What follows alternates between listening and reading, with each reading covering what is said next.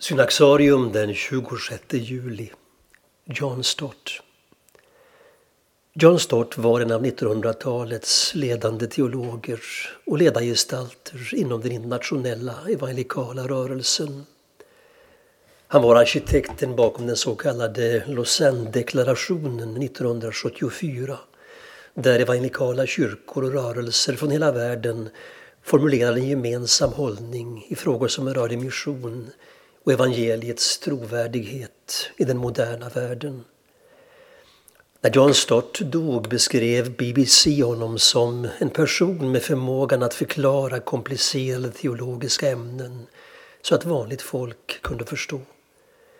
År 2005 listades han av tidskriften Time som en av världens mest inflytelserika personer. John Stott växte upp i London. Hans far var agnostiker medan hans mor tog med sina barn till den närliggande All Souls Church.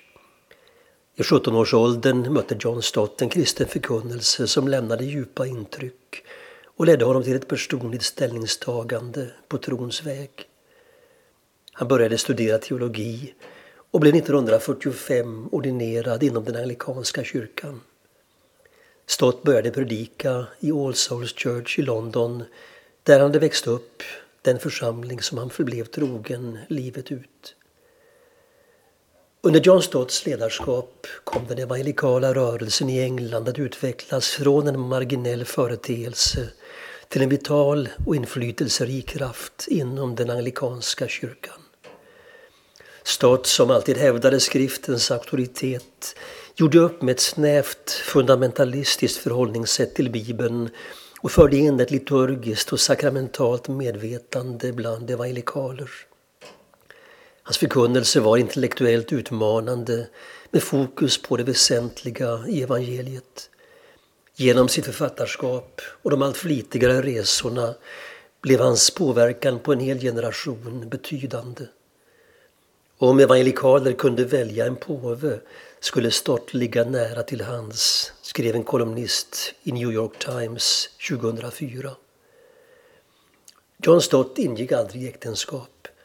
Att förbli celibatär var Guds kallelse för honom, som han själv uttryckte det, för att han skulle kunna ägna sig helt åt evangeliets tjänst. Hans pastorala sinnelag och enkla livsstil han gav i stort sett alla intäkter för sina böcker till välgörande ändamål gjorde honom respekterad och älskad i vida kretsar. Han var även en mycket kunnig och hängiven ornitolog.